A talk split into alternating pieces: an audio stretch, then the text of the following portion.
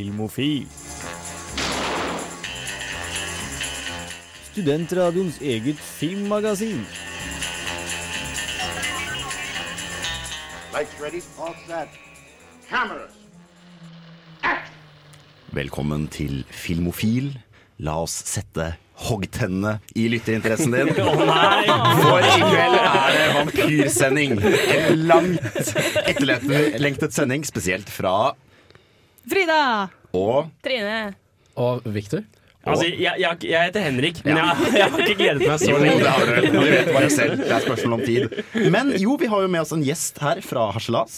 Ja, det er meg. Jeg heter Victor. Mm, Jeg og du er gleder deg til å snakke om vampyrer. Eh, ja. ja, ja. Ja, det kommer vi til. That's the spirit. Vi skal selvfølgelig ha anmeldelser av Black Mass. Vi skal ha nyheter. Men aller først skal vi få Aldri sett meg sånn med John Doe. Program i burra med både klasse og stil. Du hører på Filmofil. Du hører på Filmofil, og i varm og velkomstånd så skal vi la deg, Viktor, prate litt først om ikke nødvendigvis hva du har sett siden sist, men hvem er du? Håp, drømmer, filmsmak spesielt. Hvem jeg er? Ja, sånn filmmessig. Ja, ok, sånn filmmessig. Ja. Ja. Ja, okay. Hva liker du å se sånn, på? hvis jeg var en film, så ville jeg vært Kanskje ikke Eller jo, hvis det hadde, hadde- hadde hadde vært en film, hvilken film hadde det vært? Det er faktisk et grusomt godt spørsmål. Ja, det er et grusomt godt spørsmål. Uh, som jeg ikke tenkte på. Det var, der lurte jeg meg selv lenge. Rett i bjørnefella. Ja, ja. Um, nei, det syns jeg var veldig vanskelig å svare på mitt eget spørsmål, uh, for å være helt ærlig. Men hva har du sett på i det siste? da? Hva er det du liker? Sjangere og sånne ting? Ja, det, kan, det var litt greiere. Um, som filmmenneske så liker jeg eh, eh, Hvis jeg skal oppsummere noen sjangere, da. Kaste ut litt ting som jeg Ja, liker. gjør det. Ja, okay. Vi tar imot. Ja, ok. Da liker jeg Jeg liker uh, James Bond, for eksempel. Jeg var så James Bond-premieren. Et par, par uker, for sent, bare. Du burde vært med på Bond-sendinga, ikke sant? Ja, ja, ja, ja, men jeg, jeg, jeg slenger ut der. Slenger ut der. Bond er godkjent. Ja. er godkjent. Ja. Eh, og så er jeg glad i uh, musikaler. Eh, Jeg pleier ikke å få så mye støtte.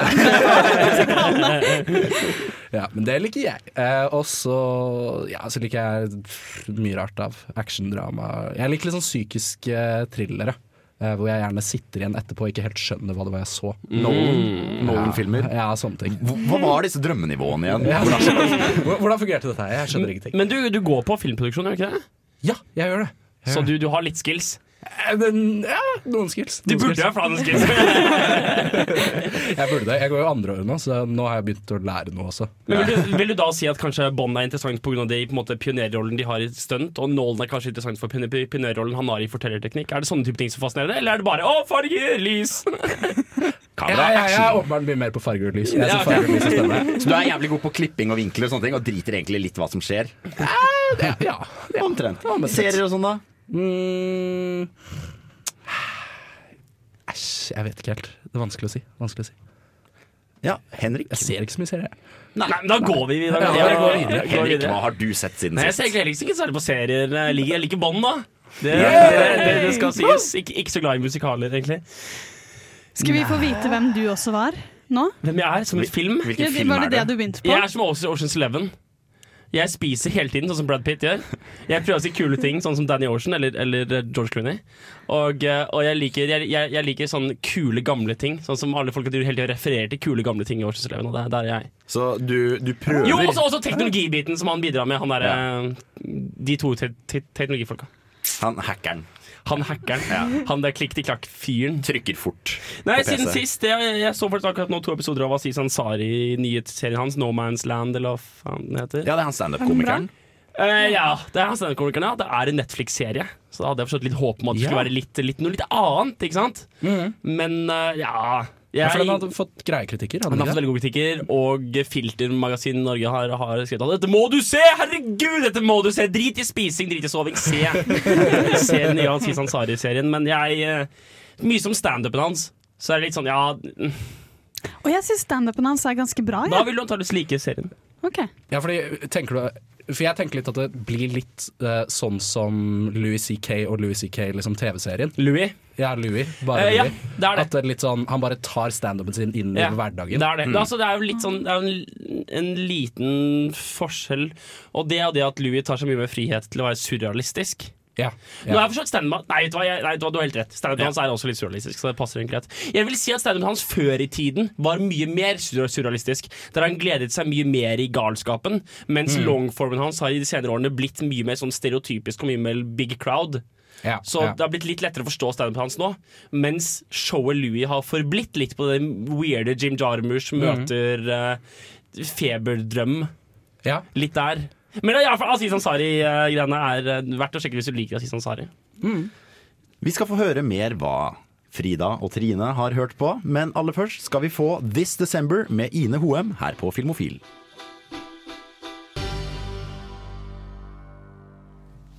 Du hører på Filmofil, du er blant venner, og en av disse vennene er Trine, som skal fortelle deg hva har du sett siden sist. ok Jeg liker også musikaler. Så jeg har sett litt fra musikaluka, eller det var teknisk sett forrige uke, siden jeg går filmvit, så vi fikk se litt fra Singing in the Rain. Og jeg har fortsatt ikke sett den, og jeg er så sur på at jeg ikke har hatt tid til å se den. Men en film vi så uka her heter The Player fra 1992. Det er satire mot Hollywood. Det er helt fantastisk. Er du skikkelig film Er, du stor fan av filmer, så se den. Den er så morsom. Den er, den er litt sånn eh, Hollywood gjør ditt, Hollywood gjør datt. De tar og gjør narr av sin egen, eh, sin egen bransje. Det er kjempemorsomt å se på. For den er litt meta, er den Ja, ikke? den er veldig meta. Det er, sånn den, det, Egentlig. det er sånn den ene andre filmen til Tim Robins, er det ikke det? Jo. Han spilte den før han spilte i Shawshank. Og er det den som starter med en sånn to minutter lang Eh, one-shot? Sånn sju minutter lang oneshot som Nei. går tilbake til Touch of Evil. Ja. Jeg mener, husker den scenen. Så vil du anbefale den som film, eller mest som sånn filmhvitt-kunnskap?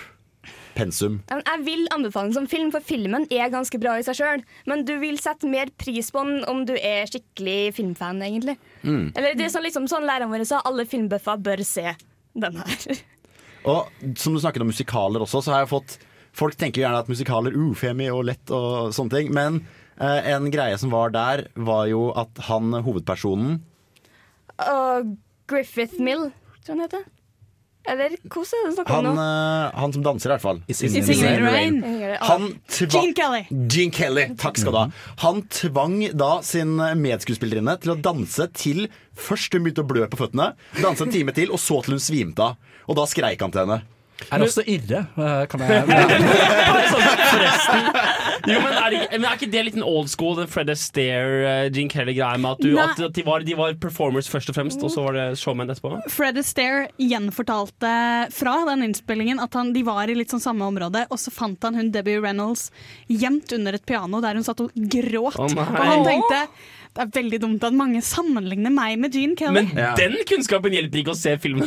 Det gjør det ikke, det ikke noe bedre. Men alle smiler og er så glad, så vet du at bak dette her så er det så mye tårer og timer med smerte. Og la oss bare legge til uh, Dette handler jo da om at Debbie Reynolds skal synge uh, for den Lina Lamont-karakteren, som ikke kan synge. Uh, Debbie, Debbie Reynolds spiller, synger ikke selv. Så okay. de, de har kjørt samme greie som filmen kritiserer, med, filmen, med selve filmen. Ja, Så det for spennende. Den handler om at hun dubber en annen stemme, og så dubber noen stemmen hennes igjen. Ja, og får ikke credit for det, og det er jo det som er på en måte hele plottet. Det er hagle fun facts om Singing in the Rain. Fy fader, så mye vi kan. Men Frida, har du sett noe siden sist som er verdt å nevne? Eh, Den må de feire, vet du. Som er verdt å nevne. Og la oss, la oss gjenta det, Frida. Som er verdt å nevne. Nå blir jeg veldig veldig selvbevisst på hva, hva jeg har drevet med. Eh, jeg, kan, jeg driver jo og ser en del naturdokumentarer, fordi det er det vi lander på hvis eh, jeg skal se noe med kjæresten min, og hun vi, vi blir aldri enige hvis ikke jeg klarer å bestemme Eller jeg må egentlig bestemme. Ja, okay. Og hvis det blir for dårlig stemning av mine forslag, så må det bli naturdokumentarer. For det kan alle gå med på. Ja, men jeg har nå funnet ut at jeg tåler ikke at barn, altså dyrebarn, dør. Så Nei. det går jo ikke når det er sånn Å, nå skal vi kose oss, nå skal vi liksom bare se en uh, deilig liten uh, tiger som løper og er vakker. Men nei, for den skal alltid spise en liten selunge eller noe sånt. På slutten av den Tigeren løpturen. spiser en selunge. Hvor mange naturdokumentarer hadde du sett, Frida? Kanskje to. Ja, jeg lurer på, Ser du da sånn type skikkelig godt produserte sånn BBC, David Attenborough-greier? Eller ser du mer sånn type Sånn som vi hadde på Nat Geo Wild, hvor det var sånn Animal Fight Club? Which animal is gonna fight best this time? Og så var det litt sånn krokodiller som kjempet mot Altså- forskjellige dyr. Nei, nei, nei. Altså Buffalons livssyklus forklart ut av Russian roadcams. Det er, det er, det er selvfølgelig David Attenborough. Ja, Men okay, jeg syns, okay, jeg syns ok. det er litt for tungt. Jeg merker at det treffer, eh, treffer et eller annet inni meg. Ja, ikke, som ikke tungt som i kjedelig og drøyt. Ja, Langdrygt. tungt som i at jeg må liksom Det er en emosjonell berg-og-dal-bane der hvor liksom hver gang Fordi det er alltid OK, det de gjør Det de gjør, er at eh, først så følger man eh, en gaselle som løper fra noen eh, Hva er det de løper fra? Løver. Isbjørner. Isbjørner. Og da blir det sånn Nei, gaselle, du må slippe unna! Løp, løp, løp! Jeg heier på deg! Så du legger all din emosjonelle heiing med gasellen. Så, når gasellen slipper unna, så filmer de over på løven, og så er de sånn Løven må nå gå hjem til sine barn som ikke får nok å spise, så de må spise hverandre for å overleve. Så de bare driver det There's fra no hverandre. Det er. Alle taper. Så jeg, jeg lurer på om jeg må revurdere om jeg tåler naturdokumentarer. Men hva står du igjen med da? Hvis naturdokumentarer er for tungt. Ja. Nei, jeg tror sakte-TV er det jeg har, altså. Jeg må tilbake til det. Det sånn, nei, vet du hva, nå er det litt dårlig stemning. Nå ser vi én time av Oslo-Bergen. Å, kan vi ikke se Larvik-Harstad? Det er det beste. Det er morsomt at jeg kan like mye om geografi som, som Fidde Fidde kan, kan, kan om dyr. Helt på slutten så vil jeg gi en liten anbefaling, eh, som jeg gjorde også forrige sending, med kilder til film og filmkunnskap og andre kuriositeter om dette universet. Er dette en, en lang intro til dank memes? Nei, det er det ikke. Eh, Dette er da noe litt mer relevant. Det er en kanal som heter Wisecrack, som er veldig godt produsert. Eh, Og de har en serie som heter Earthling Cinema, hvor de da har et tenkt scenario at et romvesen har funnet eh, media fra jorden etter at alt har gått til helvete, og presenterer da dette i et litt nytt lys. Så det er litt tullete. Litt, eh, de har liksom, de spiller litt på dette at vi er romvesener som ikke skjønner helt norsk Eller helt eh, verdenskulturen for mennesker. Men de har veldig veldig mange gode analyser, og det er åpenbart, hvis du ser på flere av seriene de har, eh, at det er en veldig gjennomtenkt gruppe. Så jeg vil anbefale absolutt eh, lyttere å sjekke ut Wisecrack. De har også litt annonsering av spill og filosofi. Og, og så har de også en serie eh, med, som heter Thug Notes. Hvor du har en eh, ganske svart afroamerikansk mann som sitter i singlet og sånn bandana og liksom Well, here you gonna hear about Shakespeare! Og så forteller han liksom en fullstendig kul analyse av Hamlet. Ordentlig litterær til verks, men han bare forteller det på sånn Ah, gangstermåte. så. Kan jeg komme med en liten anbefaling til? Ja, hvis, du er glad i, hvis du er som jeg går siving, eller er glad i biler eller liker sånne generelle tekniske ting, så er det, så er det faktisk en YouTube-serie som heter Drive. En YouTube-channel som heter Drive, og de har en egen playlist-serie som heter Engineered. Og det er da De reiser rundt Amerika til folk som driver med tuning og sånn. Spesialister i, i dieselmotor, spesialister i tuning, spesialister i understell, spesialister i bremser, i felger. Og lager en sånn 15 minutter lang, veldig pent produsert en liten klipp hvor disse ekspertene forteller om sitt felt innen bildesign og bilengineering. Det er faktisk kjempekult. Og jeg syns at YouTube burde være en del av våre anbefalinger og vårt kunnskapsnettverk. Så anbefaler jeg Drive sin Engineered-liste. Hvor du har da hierarkiet på en måte Du har film på kinolerretet, Ja. så har du Netflix, Ja. og så har du YouTube, som er sånn båndslammet. Men eh, man må ha litt av det òg. Ja. Jo, jo, og siste anbefaling! Tom Hanks har, har laget en sånn treminutters episode lang serie som han har vært med å produsere, som heter Electric City. Som de gikk, de gikk i kjempeminus fordi de betalte for det, skal alle animatørene. Men de har, det er visst en veldig kul ting. Jeg har faktisk ikke fått tak i det ennå.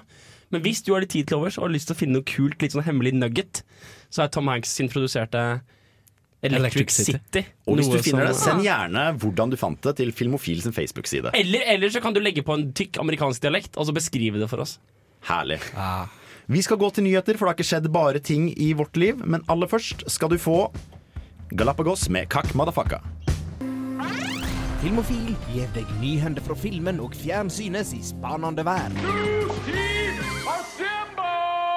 Det er tid for nyheter på Filmofil, og du som observant lytter har kanskje merket at det mangler en person i studio. Det er fordi vår faste nyhetskorrespondent Hans Ystanes ligger hjemme og høres ut som et rustent dørhengsel når han prater. Og ikke på, ikke, ikke, ikke, ikke på en god sånn Tom Waits-måte heller. Nei, nei, det høres ut som uh, Hans, uh, du skulle ikke på sendinga. Omtrent sånn. Dødsralling fra gutterommet. Mer bergensk enn noensinne. Enda jævligere enn vanlig. Dere har fått Men, meg, da. Ja. Ja, sånn, bare sånn at folk husker på det. Så Hans, du kan bare bli der. I hvert fall. Ja. Vi har selvfølgelig fått Trine satt på saken. Hun har dykket ut i den store, skumle filmverdenen og gravd med seg nyheter tilbake til oss. Og Trine, hva har du funnet? Um, jeg starter med en litt sånn, litt sånn morsom, litt sånn tullting. Uh, Shia LaBeouf. Han eh, har bestemt seg for å sette seg inn i en kinosal og se på alle filmene sine i omvendt kronologisk år. Han streamer det her live ut til internett. Du kan se det til i morgen, tror jeg, for han starta den 10. desember og skulle holde på i tre dager. Oh. Så han holder på i alle fall én dag til. Og dette er jo, det blir jo filmet. Ja. Det, altså, det står et filmkamera sånn tre meter foran han med close-up på ansiktet hans. Man ser bare skuldrene og litt av overkroppen og ansiktet. Og han sitter liksom og ser på. Han sa, jeg sjekka ut i går. Han så ikke veldig entusiastisk ut. Nei, det er jo også Jeg har jo snublet over dette her på Reddit. Og da jeg klikket inn på linken, så satt han og gråt. Nei! Ikke, han hulket ikke, liksom, men du så at han satt og var blank i øya. Det var han satt og På grunn av filmen eller på grunn av at han sitter der? Jeg vet ikke, jeg syntes det var så trist at jeg klarte ikke fortsette å se på. Å, men han spilte jo i Infomaniac. Spilte han, Så han da firetimersversjonen eller sekstimersversjonen? Ja, for da hadde jeg grått også. jeg har ikke peiling. Han sitter og ser gjennom alle filmene sine ennå. Jeg trykker på knappen. Det skjedde ingenting. Vent! vent Ja, og så Det kom nyheter i slutten av oktober. At eh, det skal jo komme en remake av Rocky Horror Picture Show. Å nei. Som skal gå på det, Eller det er en, det er en TV-remake som skal gå på Fox i høsten av eh, Høsten av Høsten av 2016. En, altså movie straight to, to, to TV. Uh, det, skal, det skal være teipa først, og så vist på TV. Ok, Så det er jo alltid et kvalitetsstempel. Jeg ser for meg sånn Den går rett til tilbudskassa på VHS. det finnes ikke det lenger. de bare- Det bare faen Men, heller. men den personen som har blitt kasta til å spille Frankenfurter, og er den eneste som har blitt kasta så langt, er Å, herregud, navn.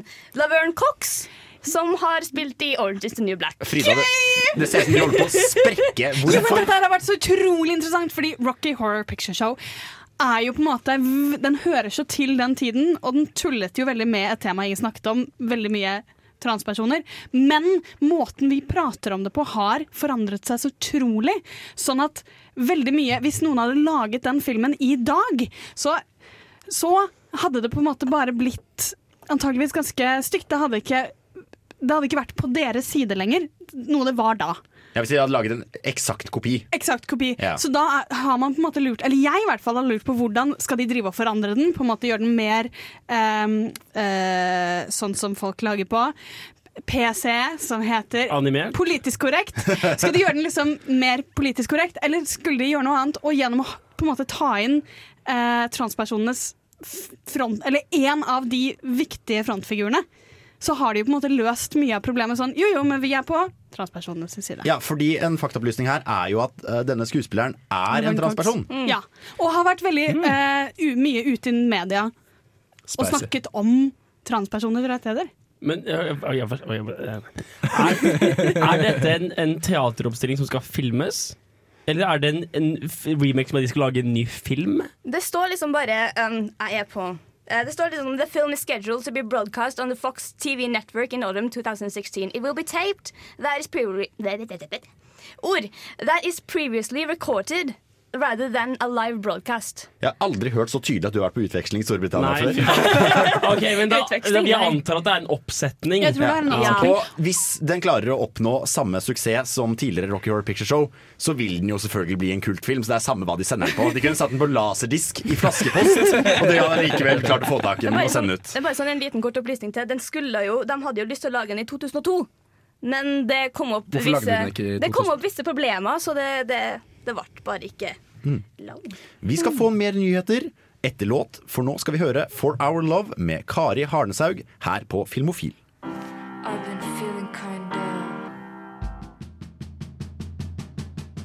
Radio Revolt tar over samfunnet lørdag 14. november klokka 20.00. Det blir livesending fra Edgar, i tillegg til at DJs fra de ulike musikkprogrammene spiller rundt om på huset. Denne kvelden kan du sjekke ut hvilke programmer Radio Revolt har å tilby. Kun avbrutt av det nyeste innen musikk. Det blir gjester, konkurranser og god radiounderholdning fra Trondheims egen studentradio. Vi sees på Samfunnet lørdag 14. november.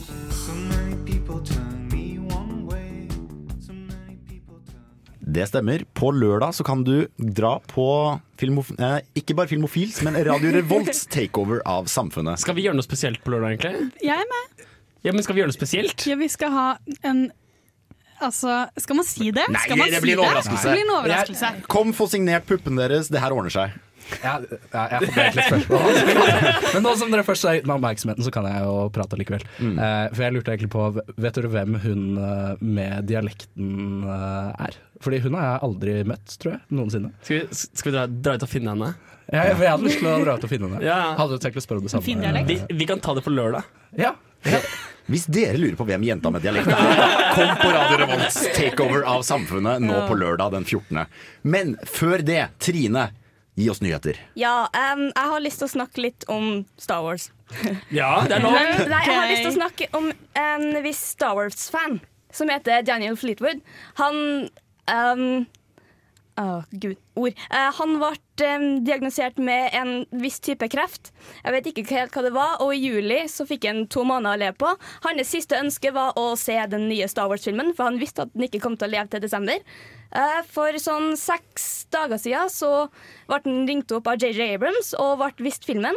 Eh, For to dager siden så døde han. Åh. Og jeg hadde bare litt lyst til å ta det opp, fordi det det er så fint at han fikk lov til å se det. Nå, nå gråter faktisk Frida. Altså, Nei, jeg gjør ikke det. Jeg bare fikk litt tårer i øynene, OK? Og det er Det var eh, vakkert, var Det det. er jo Ja. faktisk ikke første gang JJ Abrams gjør dette her. For han har tidligere vist en døende fan uh, førpremieren Eller ikke førpremieren, en absolutt sånn eksklusiv visning av uh, Into Darkness, Star Trek-filmen. Og så var den dårlig også. Den er kjip! Og folk har jo også begynt å spekulere i da, at ettersom de menneskene døde like i etterkant av sett filmen, så har JJ Abrams personlig gått inn på værelsen deres og sørget for at de aldri kunne spoile Ja, ja. noen ting. Han tar, han, han, han tar med seg, tar, tar med seg JJ Abrams-puta si. Og så eh, kan, jeg, kan, jeg, kan jeg spore vilt av et lite øyeblikk? Ja. Bruke ett et Ja, minutt på det? greit. Ja, sekunder. Apropos Star Wars. Har dere lest denne, her, eh, denne conspiracy theorien om at Jar Jar Ja. er, er en master Jedi eller Sith? Ja. Master Sith. hele. Ja, at det, at, det, at det er egentlig den eneste måten å forklare hvorfor Jar Jar er så weird og teit komisk eh, release i de første tre filmene. Fordi egentlig så var han intendert til å være en sånn master puppeteer behind the, behind the screen. Som spiller idiot for Så å spiller idiot, og han, Det er masse eksempler på det. Det er et øyeblikk der, de, der han og Qui-Gon og uh, Kenobi hopper ned fra en bro, og der faller Jar Jar ned. Men i neste klipp så er han på et helt annet sted, så han, og, og, og du ser at eh, fiendene følger han med blikket. Så har han tydeligvis force-beveget seg. Så er det en del andre ting han gjør. Han en- han, det, i, i, I trilogien så er det bare folk med force power som gjør kule akrobatikkting. Det gjør Jar Jar hele tiden. Det er masse ting, masse tegn på at Jar Jar Binks egentlig er en sånn super, super bad guy. Og at det var det de skulle bygge opp til i, tre, i tredje av den nye trilogien. Men at han ble så dårlig tatt imot at de bare introduserte han derre um, hva heter den kjempeteite Out of Nowhere-karakteren som Yoda slåss med i tredje av den originale Doku. trilogien? Doku, ja. Count Doku, Count stemmer. Dooku, ja. Så, så ja, det er verdt å finne den Jar Jar eh, conspiracy theorien på Kanskje. Star Wars-fans bare skal innse at nei. Den, den triologi, altså den serien er ikke laget av et geni. Den er ikke så gjennomtenkt. Så ikke, Ikke ødelegg! faen. Frida, death to the author. Eh, Disney har bestemt seg for å ikke vise Force Awakens til pressa før eh, filmen kommer ut. I alle fall i Amerika. Eh, for, fordi de er redd for at uh, filmen kommer til å spoiles. Det her kan jo også ses på som et veldig kynisk sånn ingen må se hvor dårlig den er, så alle kjøper press, førpressevisning. Oh. tror du Eller førpremiere. Nei, jeg tror ikke det. Men det er, man kan jo bli litt skeptisk. Det er Det er veldig gjerne sånn. Ja. Det er veldig gjerne sånn at når folk ikke vil uh, la anmeldere anmelde et produkt før det blir offentlig tilgjengelig, så er det ikke alltid et bra tegn. Vet dere hvem som gjorde det? Som visste det? Love Actually. nekt, de lagde en veldig veldig kort frist mellom når de viste den til pressen uh, og premieredatoen. Fordi de var sånn Den her, vet du hva, pressen kommer til å sitte og tenke Hva fader, her er det jo ingen historie, det er bare folk som går rundt og er kliste. Mens vi andre kommer til å bli, bli grepet av kjærligheten og julens ånd. Og det hadde de rett i. Så de tok den bort fra pressen, og så begynte vi å like Men var kritikken sånn, da? Ja, den fikk sånn ganske middels kritikker. Sånn, ah, må de bruke så mange gode skuespillere på denne, dette våset? De mente rett og slett at kritikerne var for kyniske og ikke hadde hjerterot nok til å sette pris på det for det den var. Ja, det Hmm. var det de mente. Det kan jo hende at de gjør det samme med Star Wars, at de bare viser det bare sånn veldig tett mot fristen. Det var bare sånn, Den kommer ikke til å få noe eh, Sånn kjempelang visning for og sånn. ja, Den kommer ikke til å bli tatt opp til sånn award, Festivals. award seasons. Liksom. Den eneste an slags form for anmeldelse vi har fått hittil, er at uh, han fyren som så Star Wars, døde av det. Mm. Så Det er sant! Denne filmen har allerede drept Nei, det er, det er egentlig, egentlig ikke morsomt. Nei, det er ikke det. Men vi skal få nyheter. Mm. Vent litt, vent litt, kan, har du lyst til å snakke litt mer over eh, Si noe, Jan. Nei, det går bra. Uh, Teaser-traileren til Finding Dory kom ut for to dager siden. Og Finding Dory er da oppfølgeren til Opptak Nemo, som uh, i år kom ut for tolv år siden. Nei! Det er Jo, det er år- Jo, det er tolv år Det er siden. ikke tolv år Nei, det er det ikke. Jo, Jo, det er- neste, neste år blir det 13 år siden Nei. Finding Nemo kom Det er ikke greit. Vi er så gamle. Det er men det er så rart at de har vært sånn, vet du hva, den uh, Finding Nemo, den må vi la ligge. Men biler, vi bare kjører. Med biler, det blir så bra. Det En av grunnene til dette her er jo at biler er en pengemaskin uten like. Ja, I likhet med Star Wars, som har tjent flere ganger så mye penger på merchandise, altså leker og putetrekk og krus og faenskap. Dildoer, ikke minst. Ja, ikke minst. Ah, ikke minst dildoer. Uh, så, Altså lightsaber-dildoer. ja, så har, som lager sånn uh, Hvis du liker å bruke den sånn. The Force Awakens! Men poenget her er at eh, biler er en ting som har tjent ekstremt mye penger på merchandise. De har tjent mange ganger flere på hver eneste film i merchandise enn de har tjent på selve filmen. Eh, her snakker vi mange milliarder dollar. Yes. Ja, jeg vet det. skjønner ikke jeg, for jeg syns ikke biler merchandise er noe fint. Er Altså Jeg kan skjønne en Star Wars-dildo, lightsaber Mm. Ja. det, det forstår jeg. Det forstår jeg. Det er litt kult. Men biler, liksom. Skal jeg bare ikke- avsløre hvorfor? Dere er ikke målgruppen. For jeg har jobbet i barnehage, Ja. og de kidsa elsker Line McQueen, som han heter. Men det, er- Liker er- ikke Bill bedre. Bill, Bill. det er egentlig helt sykt. Gå, gå, på, gå på hvilken som helst barnehage eller SFO. Også, det er som å gå i en sånn product placement-katalog. Ja, men det er for meg sant også. Det er helt sykt hvor mye kidsa digger eh, Pixar-filmer og Star Wars og alt som har med det å gjøre. Enda en teaser har kommet ut. Uh, det kommer en World of Warcraft-film som heter Warcraft. Traileren kom ut uka her, tror jeg. Jeg lurer på Nerdeprat har sikkert prata om det her. eh, Og vi kan, vi kan si, hvis du vil høre mer om Warcraft, kan du gå til Nerdeprat Ja. på Radio Rolt og høre på. Vi har podkast på iTunes. Og, altså, altså, så videre, Den også lei på onsdager. Så Warcraft er en film som kommer. Ja, det er en film som kommer. Og det ser veldig ut som Lord of the Rings fantasy Lord of the Rings blander med Warcraft. Men jeg, må- jeg må bare si at jeg så traileren, Uh, og de første bildene, uh, første liksom halvdelen av traileren, så syns jeg det virket litt kult. Ja. Og så ble jeg veldig lei etter hvert. Du drakk- å bli lei av filmen på den tida. Ja, nei, men det, det var bare det Fordi de har liksom Jeg vet ikke om dere kjenner til Warcraft-universet, eh, men det er liksom Det er sånne orker, og så er det mennesker. Ja. Og de er, orkene er så jævlig svære. Og de, men de har liksom menneskelige egenskaper. Og så Jeg, jeg syns ikke det liksom passa helt. De, de, jeg syns ikke de skulle ha menneskelige egenskaper. Du lot deg på en måte fascinere av det visuelle uttrykket i ett minutt, og så var du lei. ja, det stemmer. Ja, det er vel noe å glede seg til. Det er jo, hva skal jeg si Spill, eh, Film basert på spill har Det er jo alltid bra. Har alltid eh, Resident Evil! alle Oscarene hver gang. Rent bord. Vi skal få Tryllefløyten av Fjorden Baby. Og minner igjen om at alle må selvfølgelig gå på Samfunnet nå på lørdag, slik at de kan møte heltene deres, altså oss i Filmofil, i levende live.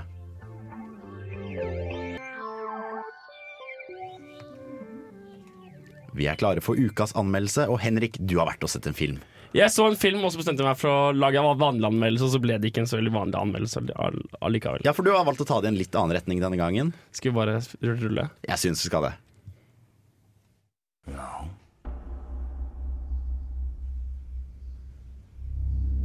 No. You said to me this is a family secret, and you gave it up to me, boom. Just like that. Jeg så Black Ok, én ting. Jeg forstår ikke hvorfor et så stort budsjett med så lav score. Det er ikke det at den er så jævlig dårlig, det, det, det bryr meg ikke. Og det er ikke tålelig. I stil og tempo er en fattigmanns departed, og som de sier i Southie, that's retarded. Et slikt galleri burde være bedre. Depp, Cumberbatch, Eggerton med flere. Det er som en to timers forbanna busstur. Grått, ubehagelig og rikt på lokalkultur. Det går rundt og rundt, og stoppene er forutsigbare, men det er ikke en reise jeg kan forsvare.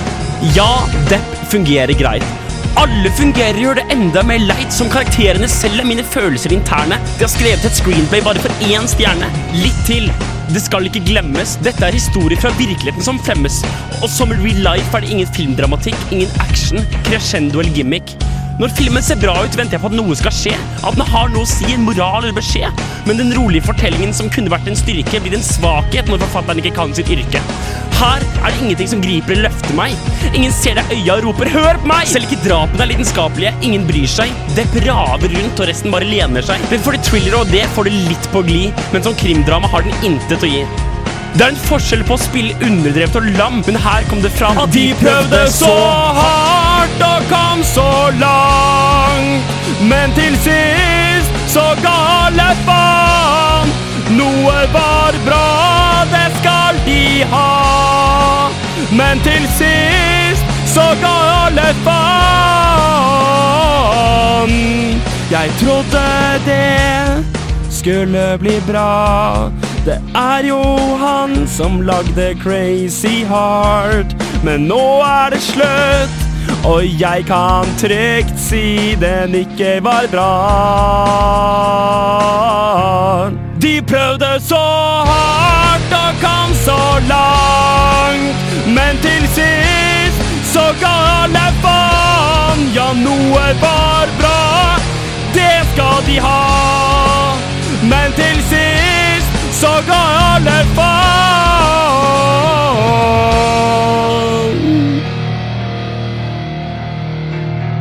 It's not what you do, it's when and where you do it. And who you do it to or with. If nobody sees it, it didn't happen.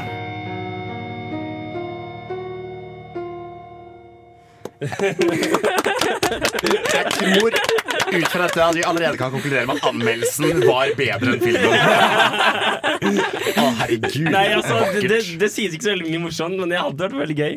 Det var det Jeg satt her og bare Jeg har ingenting å si om denne filmen her. Ja, fordi det folk har sagt, er at å, endelig en film hvor Johnny Depp ikke suger. Ja, og det er helt sant. Men for min del, og poenget med låta, er det at denne filmen gjør det verste som jeg Det verste jeg synes. Det er gøy å se en kjempebra film. Det er gøy å se en forbanna sugen film. Det å se en film som er bare meh. Det er fuckings fornærmelse. Så På et tidspunkt så foretrekker jeg at når, når editoren har laget filmen, så ser jeg at dette bare er dritt. Da får han faen meg lage en drittfilm av istedenfor. At han bare Nei, fuck it! Fuck it! Vi bytter opp på det og det. Snakes on the plane! At han har en Snakes on the Plane-knapp. Det er. Smeller slanger inn i hele filmen. Gjør den George Lucas og post-editer inn slanger overalt. Nei, eh, nei altså, altså, altså som Bård Ræstad-mannen som syns at uh, Hva var det han syntes var den beste filmen i verden? Nei, i hvert fall greit. Eh, Innsiden ut. Innsiden ut var den beste Pixar-filmen ever. Bård Reistad. Han uh, syntes at, det at Johnny Depp var som, en, var som en kveilet slange. At han, hadde, var- han var at han var klar til å eksplodere i alle scener. Og det er jeg helt enig i. Han spiller eh, rollen sin veldig bra. Og han spiller rollen sin på en veldig underdrevet måte. Det, er, det er egentlig ingen scener der det bare Det er ikke sånn Oscar-bate hvor han står liksom og skriker og Nei. følelser. Nei. Og alle spiller litt Alle er litt sånn underdrevet og litt sånn Og det er kanskje derfor den har blitt så At folk da har tatt tak i en ganske middelmådig film og vært sånn Endelig! Fordi John Depp har liksom bare blitt mer og mer og mer og mer i de fleste filmene han er med i. Ja. Men der er det også Jeg har sett intervju med John Depp hvor, folk, hvor han sier at Nei, når jeg får kid, så tenkte jeg kanskje å spille litt mindre filmer og ta det litt med ro og ikke bry meg så mye om karrieren. Og folk, Han intervjufilmen bare sånn «Hæ, Bra vits. Men det er jo Jeg tror egentlig han mente det han sa. At når jeg begynner å få eldre barn, så vil jeg faktisk bruke mer tid med familien og spille i litt mindre filmer for å bare ha litt penger å leve på. Og ikke nødvendigvis satse så mye på karrieren. Så Litt tror- mindre drittfilmer eller litt Nei. større produksjoner? Nei, litt mindre filmer. Ikke liksom kjøre en oppfølger til, og ikke gjøre helt store, og ikke bry seg så mye Oscar, men til bare være, skues filmer være skuespiller på det jevne. Ja, ikke sant? Mm. Og, det, og det ser du jo, dette er jo en um, hva er det, alle, alle, du ramste opp masse gode Boston Southie-filmer. Altså The Town, The Departed. Ikke minst. Eh, altså, dette er filmer som gjør det her bra. Altså begge, Både Departed og Town er mye bedre enn denne filmen her. Og du sitter og venter litt på at det skal skje noe. Er litt sånn, jeg, begynte, jeg, jeg brukte liksom 20 minutter på å komme meg over at en av skuespillerne spiller en annen rolle enn jeg er vant til å se han i. Fordi filmen klarer ikke å overbevise deg om at dette er en egen karakter. Nei, det blir for generisk. og Ja, det blir det. Og så er det jo ulempe i at Eller ofte en ulempe at det baseres på en sann historie. Fordi sanne historier følger ikke nødvendigvis anbefalt spenningskurve. Så Noen ganger funker det kjempebra. Eh, hvilke sanne historiefilmer har vi sett i siste som har vært dritbra? Det, Jeg tok det fram som et kritikkpunkt i den Theory of Everything. Men den er, det er også en god film hvor Eddie Redmayne vant Oscar. Så Ja, men, jo, men jeg skjønner, den er jo på en måte er, Alltid når det er historie om én person, så blir det mye sånn Fokus på ja. Så gjorde han det, så Ja. gjorde han det. Jo, men selv den har jo Ja. release. Ja. Det er, de går litt frem i tid, og så ser han og henne sammen på ungene sine. Det er litt release i den filmen. Men hva med The Imitation Game, for eksempel? Ja, ja den hadde også litt, litt, den også litt flat dramatisk Ja. struktur, egentlig. Ja, men den var men der sluttet de også med at det var kjempetrist, og han var alene i leiligheten sin. Ja, det det var under krigen. Ja, Ja, Og de Det måtte drepe broren Ja, og den hadde, den hadde Så de hadde mer, for de Ja, hadde på en De hadde jo en ganske Ja. klassisk eh. Hollywood-oppbygning. Og så hadde de vendingen. Så Men der der har de jo ikke hele livet til Alan Turing. De har Nei. En krigen, så de har liksom valgt Her var det spennende, denne delen fokuserer vi på. Hva med Foxcatcher? Har jeg ikke sett den, da? Du hadde sett den? Ja, den er, jo, den er jo heller ikke når jeg beskriver som en stor spenningskurve, men den er ekstremt bra laget og Ja, ekstremt gode Så det som trengs, er at skuespillerne er fantastiske, Ja. og at det skjer noe. Ja. Det må være litt kurve etter. eller at man venner, velger ut en hendelse. Det er jo mange bra filmer som Ja. handler om ting, Ja. historiske ting, men da at det ikke er sånn Her ser vi hele livet Ja. til tante Olga. Jo, jo uh, Legend! Legend, Den derre Tom Hardy og Tom Ja. Hardy og Tom Hardy Tom Hardy-filmen Ja. med, med Tom Hardy. Tom Hardy. Tom Hardy. Tom eh, han, den er bedre enn denne, Fordi den har, der, der skjer det litt mer, og det skjer litt mer, og det skjer litt mer. Mm. Og så er det Tom Hardy. Og, Og Tom Hardy. ja, så til slutt, da. Vil du anbefale folk å gå og se den her på kino? Nei. Nei. Ikke, Jeg skal se den i morgen. ikke betale for den, og, men det kan, det kan jo hende at du setter pris på den på en eller annen måte som jeg ikke gjør. Ja. Så det er litt sånn Hvis du er megafan av Johnny Depp og synes det er kult at han spiller noe som ikke suger, så kan du gå og se den. Ja. Flott. Vi skal få høre I Have The Right To Go To Syden med Pixel. Du hører på Filmofil. Vi håper du koser deg. Det er på tide å brette inn flaggermusvingene og få ut hoggtennene. Frida, hva skal vi prate om? Vi skal prate om vampyrfilmer. Eh, og vi, Da går vi til låt. Vi skal men, altså, det er jo Du kan jo si at det er ikke noe filmmonster som har hatt en større forvandling enn vampyren. Nei. I hvert fall sånn som vi tenker på det. Og det, vi skal gå inn på litt hvordan det har vært, for jeg tror mange av oss har en litt feilaktig bilde av historien. Men i, i alle fall, vampyren er jo, har jo vært et filmmonster, og nå har det vært Twilight. Det er vel egentlig hovedgrunnen til at vi prater om det. At Wait, jeg, wait til å spoile hele jeg spoiler ja. Hele ja, ja, ja. Men eh, det er jo interessant altså Forandringen som har skjedd, er veldig interessant. Eh, og vampyren som et vesen er jo ganske grunnleggende. De fleste eh, kulturer har historier om menneskeetere på en eller annen måte. I alle fall eh, Altså, enten Menneskeetere er jo Kannibaler Ja. eller blodsugende Varulver. Men spesielt da menneskeetere som lar offeret leve videre etterpå. Og det er jo det vampyren gjør veldig spesielt. At den drikker av blodet som man i gamle dager tenkte var livgivende kraft. Man tenkte at det var det som holdt deg i live. Det er vel ganske sant, egentlig. Jo, men ikke på den måten de trodde da. De trodde jo at hvis du liksom kuttet eh, Er det ikke det Shakespeare-stykket der hvor en dame blir voldtatt, og så kutter hun seg opp, og da har hun liksom noe av blodet hennes er blitt svart fordi det er skittent, fordi hun var uskyldig. Hun ble, var ikke med på å bli voldtatt. Er det sånn det er? Det er akkurat sånn det er. Og, det, eh, og derfor har du et veldig sånn det er jo et veldig tydelig monster, et monster som lever av livskraften til andre. Mm. Og, og i stedet for å bare spise dem opp, sånn som vi gjør, så lar det folk gå videre med skammen. Hmm. Så det er, det er, noe, det er noe, noe vagt seksuelt som vi kanskje kommer tilbake senere. Så, så det, det, det du vil frem til, altså å, åpningen av vår, vår vampyrtema i dag, er å fortelle hvor det kommer fra. Ja. Og det kommer fra en bakgrunn av horror. Det kommer fra en bakgrunn at dette er et monster som ikke bare vil drepe deg, men som, som sånn mytisk sånn her, Den treffer deg, gjør blodet ditt sort, og så må du leve videre med vitenheten om å ha blitt Nei, eh, altså, du blir jo vampyr. Du blir jo som dem. Ja, okay. altså, eh, sånn vampyrer tradisjonelt har vært, er jo at de suger blod av eh, noen stakkars mennesker, og da blir de også til vampyrer. Men de lever videre, og de vet ikke nødvendigvis selv. Eh, Mina Harker, Harper, Harker i Dracula vil jo ikke være vampyr, men hun Mm. har blitt bitt. Og da, det er så synd på henne, for hun er så ren og uskyldig. Det, den Vampyrene kommer jo fra den, den gotiske romanen. Ja. som Bram Stokers Dracula, som det meste av eh, vampyrer eh, fram til sånn 90-tallet sånn 80, det, sånt er sånn, det er sånn borti der som sånn var basert på.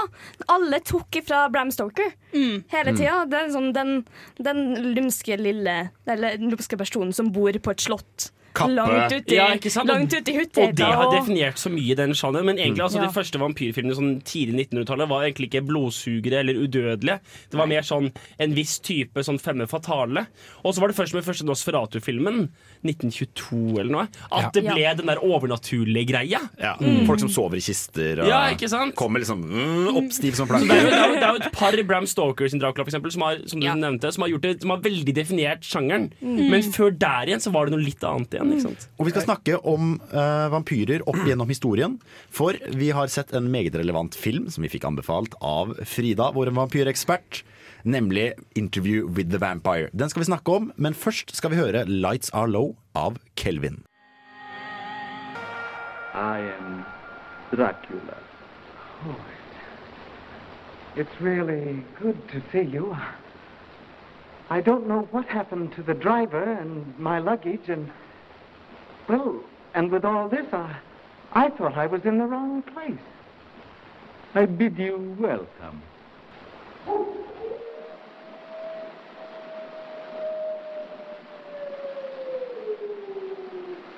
Listen to them. Children of the night. What music they make.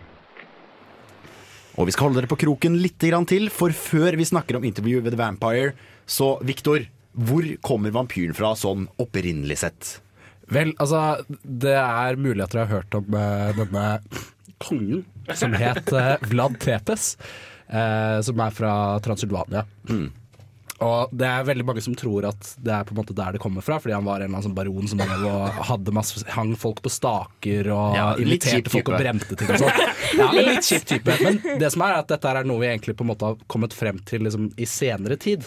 Så da de skrev de første romanene, så baserte de det mer på sånn gamle eh, folkefortellinger fra Øst-Europa. som da- Og da baserte de seg ikke så mye på sånn aristokrater. Eh, type rike folk som lå i kister Mm, i store mm. slott og sånn. Det var mer folk som lå i kirkegårder, altså fattige bønder og sånn. Ja, sånn slavisk eh, eventyrhistorie da, med troll og dyr ute i skauen. Ja, det skal ha hatt noe med sånn massevis av epidemier å gjøre. Kanskje ha hatt noe med det at liksom lik At det spredde sykdommer og sånne ting. da Og da var det Så de var ikke liksom sånn velkledde sexsymboler, men mer litt sånn eh, slaviske Altså bønder Altså mer zombieaktig? Ja, egentlig mye mer zombieaktig. Og også sånn der, ikke sånn ren, fin, hvit hud, men mer sånn ligget eh, under jorda i et Veldig zombieaktig. uke. Ja, veldig zombieaktig. Men det er også historisk påvist at det har herjet sykdommer som har gjort at folk har blitt veldig bleke. De har gått rundt og vært nesten komatøse på to bein. Og også i tillegg eh, tannkjøttet har trukket seg tilbake. Så det ser ut som de har fått hoggtenner. Mm. Og det er biologisk bevist at det har vært sykdommer som har vært sånn. Så det er jo kanskje ikke så rart at det er noe der det kanskje kommer fra.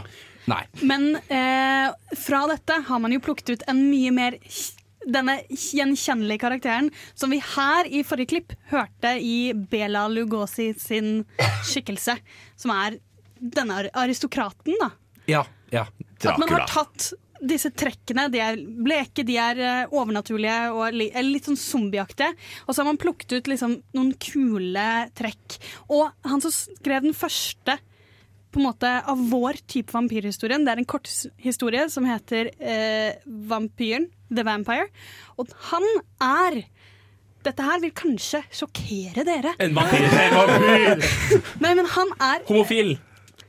basert på lord Byron. Ah. Eh, som er egentlig verdens mest kjente eh, rundpuler. Kan man jo si. Sånn at den tingen om at vampyrer er sexy, og at de er det er noe dypt seksuelt ved dem. Det er veldig fra, fra der vi plukket de ut av de andre zombielignende. eh, og gjorde dem til denne aristokratiske personen, så har det vært noe veldig seksuelt ved dem. Hele tiden. Men altså, det har jo vært Amerikansk filmhistorie har vært preget av at sex har vært veldig sånn tabu. Så har det rett og slett bare bidratt til monstereffekten. Ja, han dreper deg! Å, det er skikkelig seksuell! Det er skikkelig seksuell, liksom. Han er fæl, da. Ja. Mødre sitter hjemme med beina i kors og lange kjoler og ser på datteren sin. Ha, sånn skal du ikke ha menge deg med. Horribel. Horribelt. Men de gikk jo litt tilbake De har jo av og til gått litt tilbake til den zombielignende tingen med Nosferatu, for eksempel. Mm. Og det er jo mange som sier at de vesenene i I Am Legend er litt Ja, vampyraktig. stemmer. Men de, ja, de tåler jo som vampyrer de tåler ikke solskinn. Mm. Og de er litt sånn Overnaturlig sterke. Ja, så når de skal bli mer monsteraktige, så plukker man tilbake til den zombie... Man, man plukker litt fram og tilbake og ser litt Og så er det litt, det går jo også, det er, det er jo interessant her at det utvikler seg ekstremt mye lore.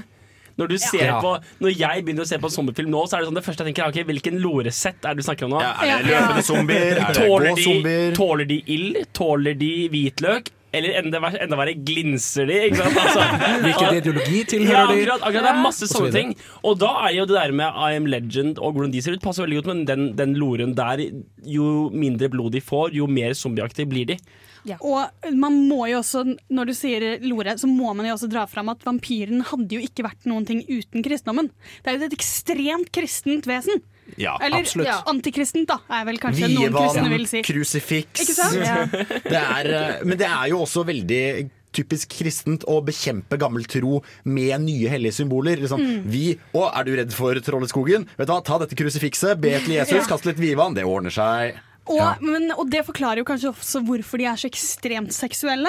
Hvorfor det alltid har vært en del av det. Fordi Mm. de er forførere. De er ikke bare eh, rundpulere, men de er også noen som kommer inn og forfører da særlig unge damer. Ja, som, Ja. ikke, Som ikke burde ligge. Som burde ha den gode bok tett inntil bryst og underliv, og virkelig bare holde seg unna alt som frister. Hvordan kristendom er du borti? Beina. Jeg er fra Nesodden, ok? Vi tolker ting slik vi gjør det. Nå skal vi først få høre My Only Lie Is Silence av Intertwine, og så skal dere som tidligere lovet få The Interview with the Vampire, som vi skal snakke litt om. Der blir det mer sex.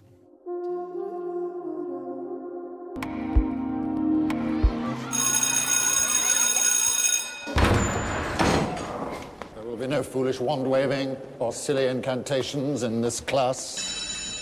No, okay, that's it for the day then. Today we have a similar debate over this. Anyone know what this is, class? Anyone? Anyone? Anyone seen this before? Ukens hjemmelekse. Interview of the Vampire. Brad Pitt, Tom Cruise er eh, veldig seksuelle, er veldig vampyrer, men gjør også noe litt nytt. Og Kirsten Dunst er veldig ti år. Veldig ti år. Det, var sånn, Veldig. det, det er bare en, eh, jeg satt og så på dette her og tenkte det her var en ganske, det er faktisk bra barneskuespill. For det er bra barneskuespill. eh, til en veldig positiv forandring fra veldig mange andre filmer. Og så er det sånn Oi! Å ja, det er der jeg har sett henne før! Kirsten Dunst. Jeg kjente henne ikke igjen, jeg, før Nei, den det var- ikke sa det.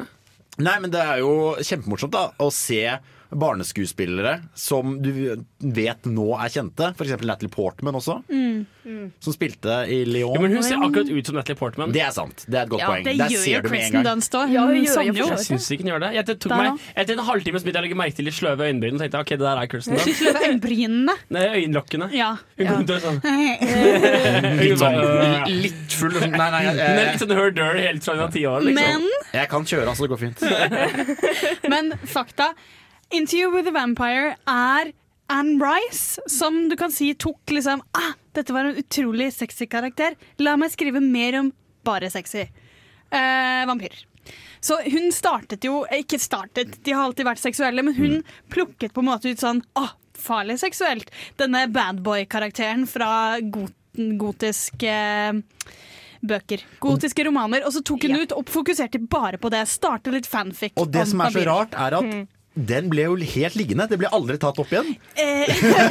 Eh, Du tok sarkasme der, altså. eh, Nesten. Nesten. Men her er det jo på en måte De, de har holdt veldig på den farlige seksualiteten. Ja. Med, altså, grunn, jeg kan bare si for dere som ikke har sett Interview with a Vampire Grunnen til at vi fokuserer nesten bare på seksualiteten deres, er fordi det er det nesten filmen også gjør. Ja. Det er noe historie innimellom, men det er mest Brad Pitt og eh, Tom Cruise som har lyst til å ligge med hverandre. Altså Som en veldig høybudsjett pornofilm, så er det handling, handling, handling. Sex.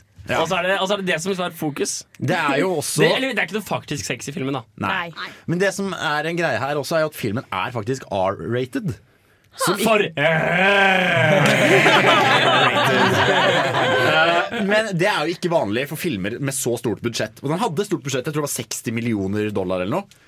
Og det er jo litt morsomt at de faktisk tør å ta den sjansen. Med, han hugger jo folk i to med en ljå, og blodspruten står, og det er veldig, veldig antydet seksuelle forhold med en eh, tiåring. Som er litt sånn du Hun er jo ikke ti år. Nei. så- nei, nei, kroppen hennes er ti år, men Nei. inni hodet er hun 35. Det er ikke første gang det unnskyldningen har blitt brukt.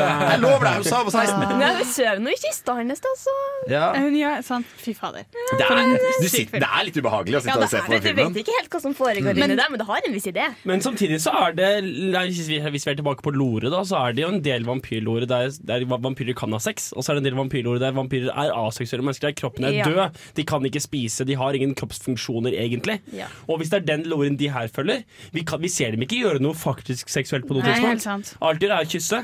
Vi ser, jeg, et, ser vi dem spise. Jeg vet ikke om vi ser dem spise heller. Så- poenget er liksom at, at det er ikke sikkert at de har sex på den måten. Jeg tror de har sex. Ja, altså. det- Jeg får veldig inntrykk av at det er sex her. Fordi, Mm. fordi Brad Pitt sin karakter Han har jo en menneskesjel. Han er jo en vampyr med en De sier at han har en menneskesjel inni Ja, seg. han er litt, litt mer snill enn Tom Cruise. Så han er litt sånn, han er liksom midt imellom en sånn skikkelig bad vampire og en som ikke bryr seg så mye. Liksom. Men her har vi jo på en måte Det er jo veldig Se, disse her er litt sånn farlige. Får du ikke lyst til å Mm. gå bort og klappe litt på dem? Og det er jo en veldig viktig del av hele sjangeren. Og Anne Rice var vel en av de som tok det og artikulerte det mye mer sånn Nei, vi dropper monsterdelen, de er farlige. På en spennende Ja, for det er jo også alle kvinnelige ofrene i uh, denne filmen stønner jo mens de blir bitt til døde. Ja, er de, de kommer er bort med liksom korsett, uh, bokstavelig talt til grensen. Til- Og så til- ja, og så er det liksom sånn uh, Mens de setter tenna i nakken deres. Litt overgrep. Skal vi ta og, og, og haste videre? Jeg har, jeg har så lyst til, å- til å prate om Twilight. Skal, vet du hva? Du har kjempeflaks. Eh, For aller først skal vi høre et lite klipp eh, av Frøst fra The Interview with the Vampire, hvor da Brad Pitt og Tom Cruise, som vi bare kaller dem, de heter nesten det i filmen også, det er i hvert fall det eneste du ser, de eh, krangler litt om hva de skal gjøre med en eh, kvinne de har tatt til fange. do this. I like to do it. I enjoy it. Take your aesthetes, taste pure things. Kill them swiftly if you will. But do it! For do not doubt! You are a killer, Louis!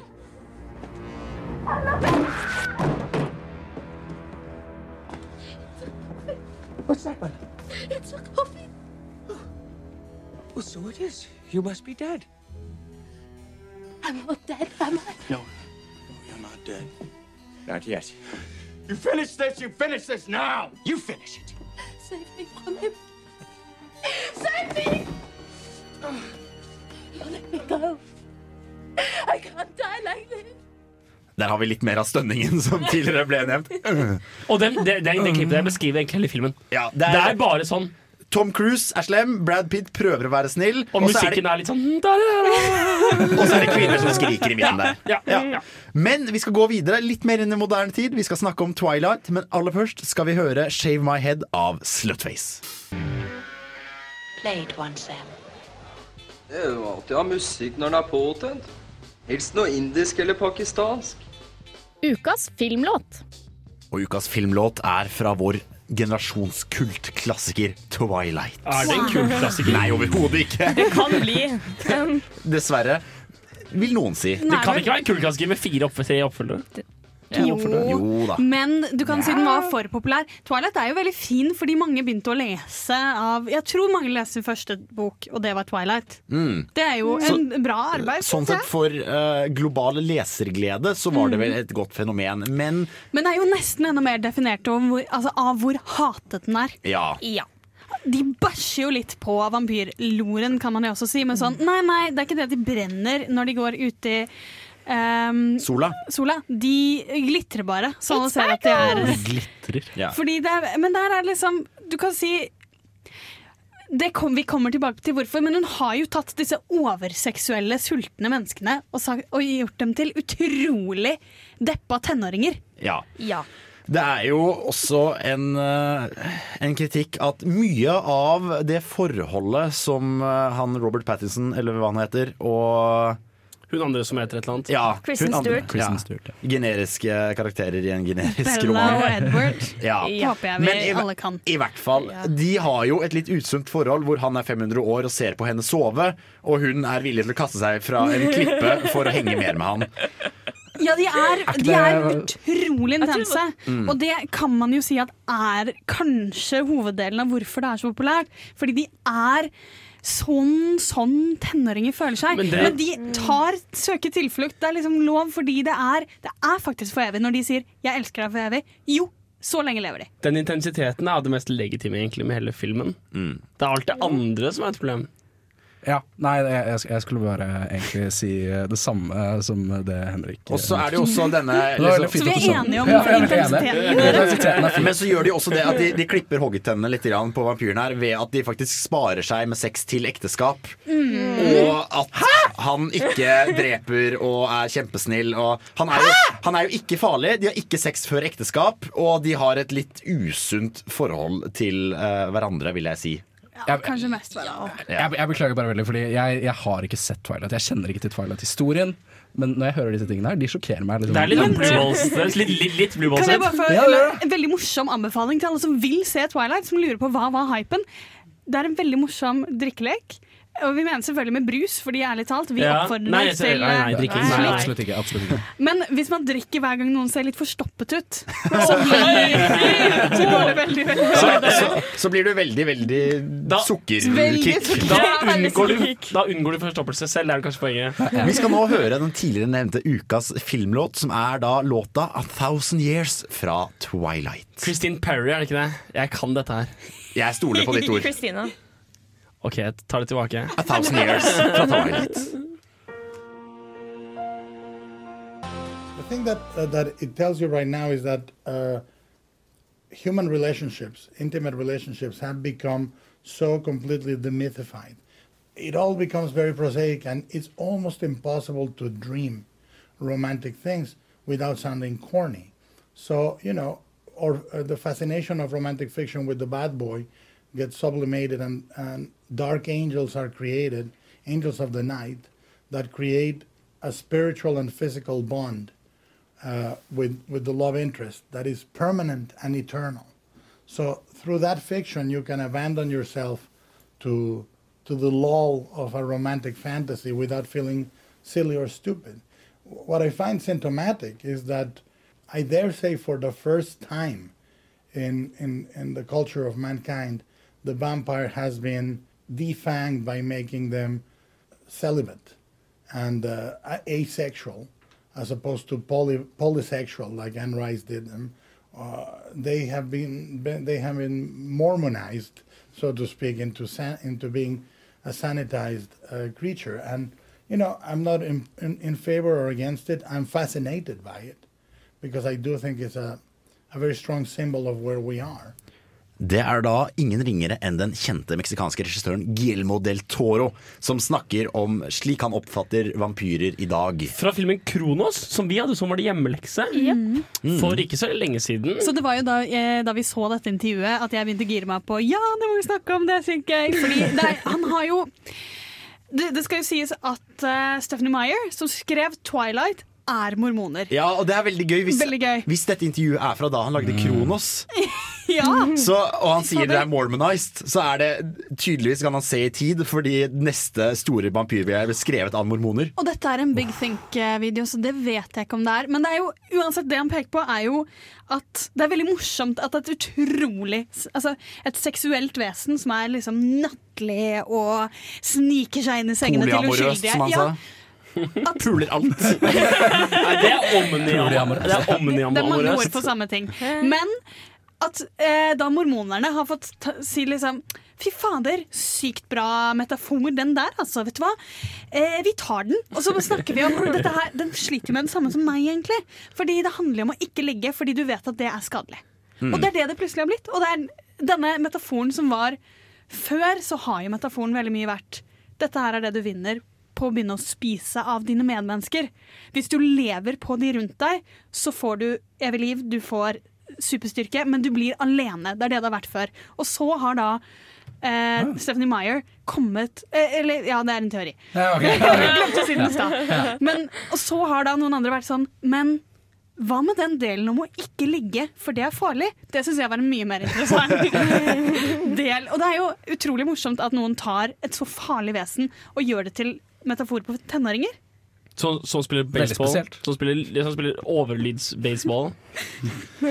vi skulle vel egentlig gi oss med Twilight. Uh, Hvordan skal vi gi oss med Twilight? Nei, altså, kan det, ikke det, altså For min del så tenker jeg at uh, vi, har, vi har sett på en utvikling til nå. Mm. Vi har sett på, som Victor nevnte, um, sykdom, zombiebasert. Ikke? Så har du vampyr som er fem fatale. Så har du vampyr som en faktisk overnaturlig ting i første Nosferatu-filmen. Mm. Så bygger det seg opp, og det blir mer og mer horror og mer og mer liksom mørke og skummelhet. Og så nå, siden 90-tallet, så har det liksom skjedd en, en forandring der det ikke lenger er en horrorting. Det er mer sånn, som du sier, da, en Ja. mormon-fantasyfilm. Og også dette med at det er en slags uh, supermanifestering av The Bad Boy.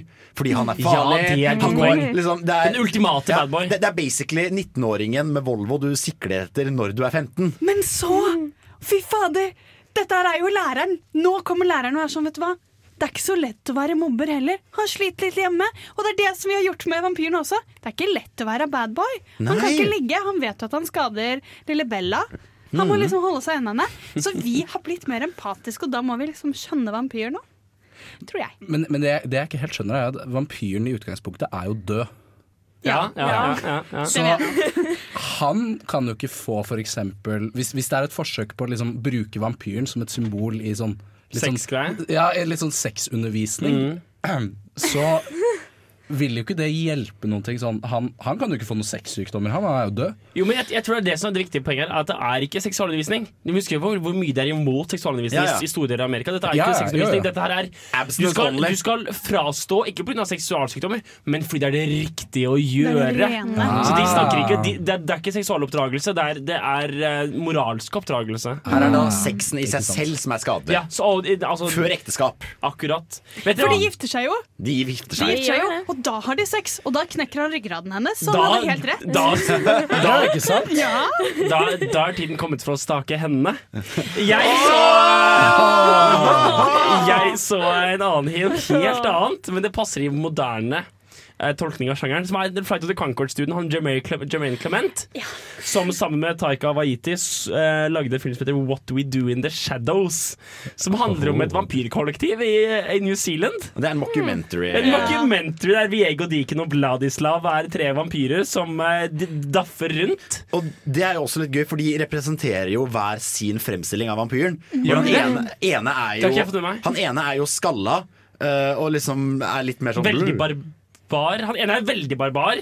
Han andre er veldig sånn feminin og veldig sånn pertentlig. Veldig sånn Oi, ops! La oss gå og se om vi klarer å vekke Oi, nei, det var, oi, der var Ok, rett, nei. Eh, da kan vi jo videre til eh, Det er, det er han, Jermaine Clement spiller han som er Vladislav, han er veldig sånn fin og sånn.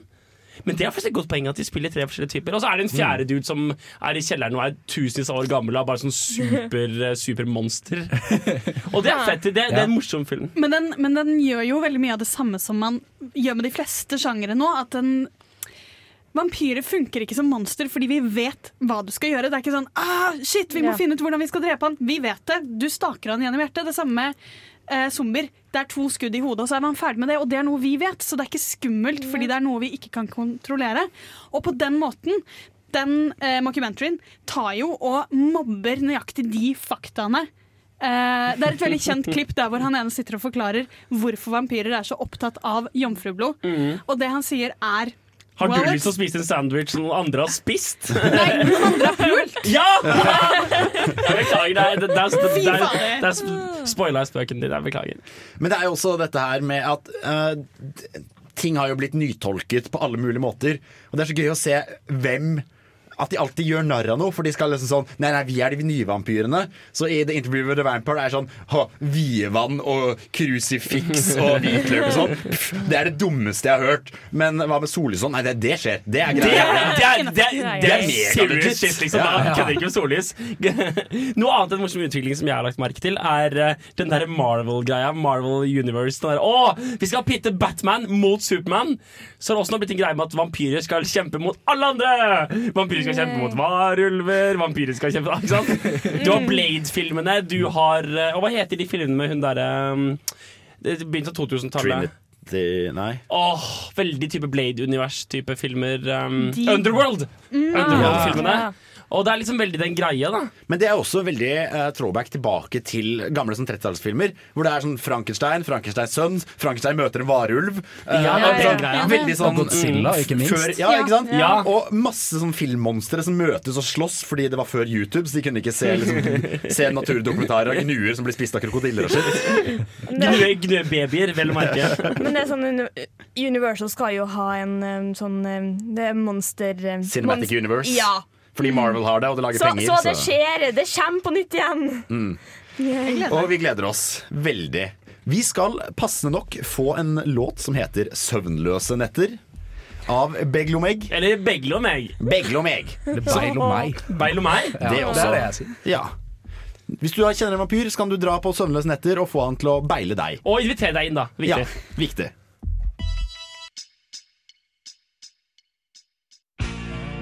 Hei! Hei! Det er ikke 90s sitcom-flashback. Ta og Skru på noe annet. Ja, bedre, men prøv igjen. Der, ja! Ahem. Filmofil presenterer ukas serie. Ah, yeah. When you came in the air Det er en sinnssykt kul introlåt som eh, jeg tror mange til slutt gikk litt lei av. Nei. Nei, nei, nei, Nei, det ga. Jeg tok helt feil. Det er selvfølgelig snakk om serien True Blood. Ah, yeah. Jeg får så lyst til å bare lage det her. Two brothers. Jeg skulle ønske jeg hadde en Mustang og bare kunne ruse den. Ja. Det som er veldig kult med True Eller var kult med True Blood, var jo at de tok den southern goth gothic veldig seriøst. Mm. At, uh, for det er jo en avgren av den gamle gothic-sjangeren med store, fine slott. Så har sørstatene i USA vært litt sånn å ja, dette er, det viktigste her er vel at det er litt skittent. Vi er også skittent. det funker her, og mye store sumper. Du er veldig alene. Så det er mye likheter, og her har du da en serie som tok vampyren inn i sørstatene i, i ganske religiøst miljø. Mm. Så det passer kjempebra. Skal, skal vi ikke eventuelt kjøre, kjøre det klippet? Ja, straks. Men det er jo uh, en ting jeg også synes var veldig gøy med den serien, før det tok fullstendig av, og alle ble vampyrer og varulver og gudene vet hva. Og Så- feer! Ja. For helvete! Ja, jeg slutt- da- Feer? jeg- jeg slutta. Saki er en fe. Jeg- Jeg spoiler deg. Nå Jeg- trenger du ikke se resten av Jeg serien. slutta å se før vi kom så langt. Ja, Men. Er det, det, det, det forklarer at hun kan lese tanker? Ja, det, det tok helt av. Men før det tok helt av I sesong én så handlet det veldig om dette at vampyrer er ekte. De har nå kommet til overflaten fordi eh, de, kan, de har laget kunstig blod som de slipper å spise mennesker. Hvordan reagerer mennesker på dette her? Eh, Menneskeheten. Og det er da veldig mye konservative rednecks og sørstatspolitikere og sånn som liksom skriker 'God hates fangs'. eh, koser seg. Det er kjempegøy å se bare dette det sosialdramaet med at vampyrene prøver å kjempe for sine rettigheter, og sørstatene prøver å sørge for at faen heller, vi vil ikke at de skal ha rettigheter i det hele tatt. Hmm. For å illustrere dette her så har vi funnet et klipp fra ikke mindre enn første episode i sesongen, hvor Bill Mayer intervjuer en av disse vampyrene ganske nylig etter at de måtte ha kommet til overflaten og anerkjent at hei, vi finnes. We're citizens. We pay taxes. We deserve basic civil rights just like everyone.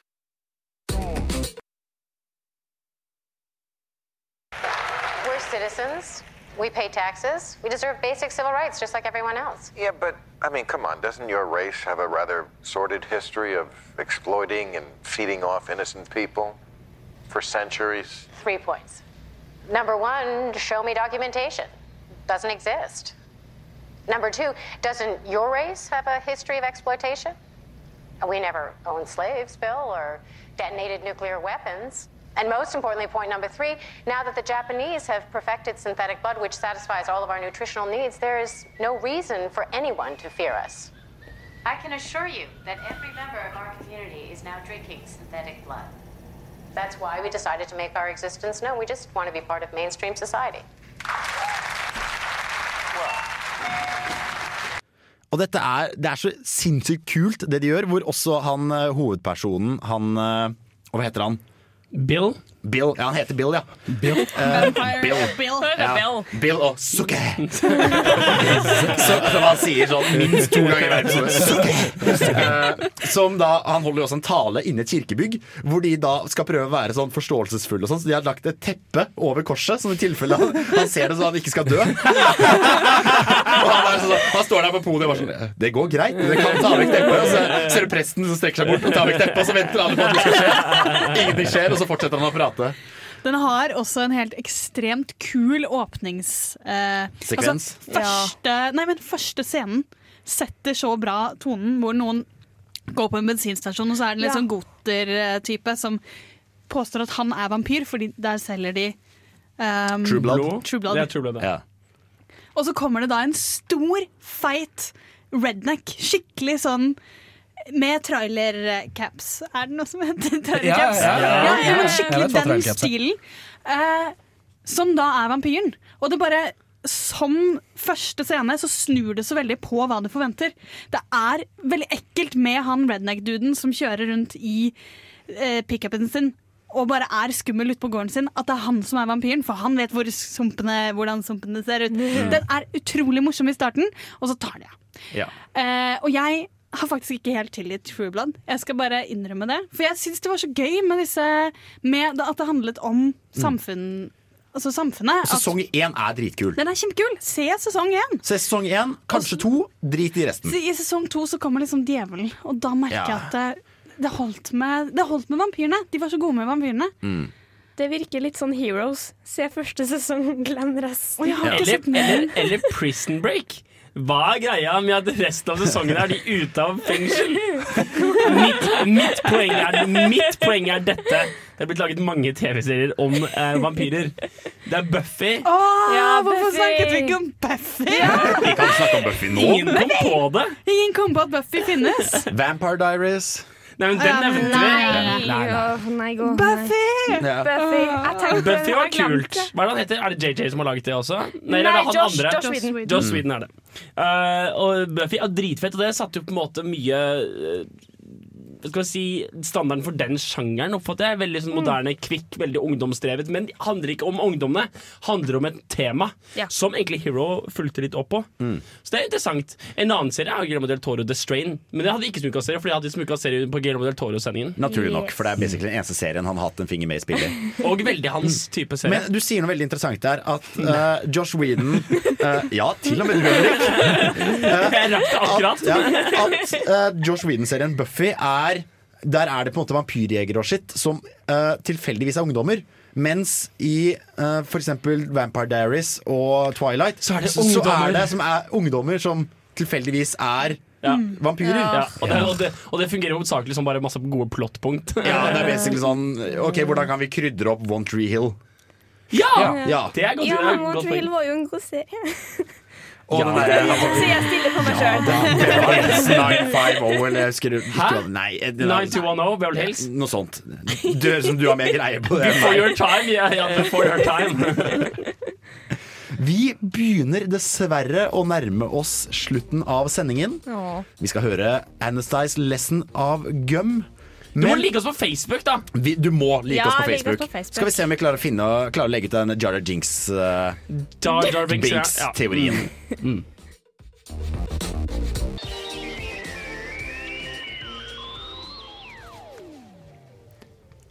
Det markerer vel egentlig nesten slutten på vår sending ja. her i Film og Filmofil. Ah. Eller som en vampyr ville sagt det. Ah. Vi har, snakket, vi har snakket mye om vampyrer. Har vi lært noe? Jeg syns at han derre der Prince uh, Emperor Palpatine er litt sånn vampyraktig. Litt sånn skrukkete, Ja, litt sånn mørk. Litt Ja. sånn litt tidlig vampyr. Spesielt de seksuelle vibbene. Mm. Ja, det er, if that's your thing. Skyter seksuell elektrisitet. Ja, det er sant! Kan du føle gnisten mellom oss? Skal vi ta La oss historie for uh, Ja, vi kan egentlig, kan egentlig legge uh, vampyrene død. Begrave vampyrene med hodet av. I eh, Star Wars-referanse. For neste uke skal vi prate om noe som er litt forbudt og litt skummelt. Vi skal prate om film som har blitt sensurert, film som ikke er lov, og film som ikke har vært lov. Og sensurering i film generelt, kanskje. Ja. Bare for, bare for ikke sensureres for mye, så vi har litt å kunne, kunne snakke om. Mm. Skal vi tørre å gi en hjemmelekse Ja. som faktisk ikke er lov i Norge? Eller den var ikke lov i Norge en god stund. En som ikke er lov i Norge. Da må vi researche mye på nei, det. Er du på vei mot en Serbian-film? For jeg nekter. Nei, okay, Nekter! Noen må se, Han skal se The Serbian-film. Han, han har sett den. Har han det? OK. For Jeg har alle sett sammen, den. Da har vi noe å prate om neste sending. jeg merker at jeg mister litt respekt for deg som menneske nå, Henrik. OK, ikke Men se bare, Serbian-film. bare, bare for å clear up, det, det er der hvor de voldtar et spedbarn? Ja. ja okay. Altså, okay, Den, den er på en måte forbudt i Norge da av en ganske god grunn, syns jeg. Nei, Kan jeg Men ikke det? dette er Det skal noe da være lov! Dette er noe vi skal prate om neste sending. Kan jeg få si, kan jeg få si at jeg har spolt meg innom den? Med øynene igjen. Pute foran ansiktet. Ja. Skal vi ta det videre? Ja, jeg synes vi vel egentlig Ja, Vi kan gi Life of Brian, da. Ja. Ja! Fordi den har vært bannlyst Ja. og forbudt i Norge. Ja. Men den er koselig. det gleder vi oss veldig til. Det, det kan bli en uh, kanskje ubehagelig sending. Vi får se hvor dypt vi tør å dykke. Vi gjentar en gang til. Life of Brian. Monty Python-filmen. En glad komedie som alle bør tørre å kunne se. Vi har vært uh, i studio, Frida. Trine? Victor! Henrik. og Jan Markus her som programleder. Vi håper du der hjemme har kost deg med å høre på Filmofil, og så snakkes vi igjen neste uke.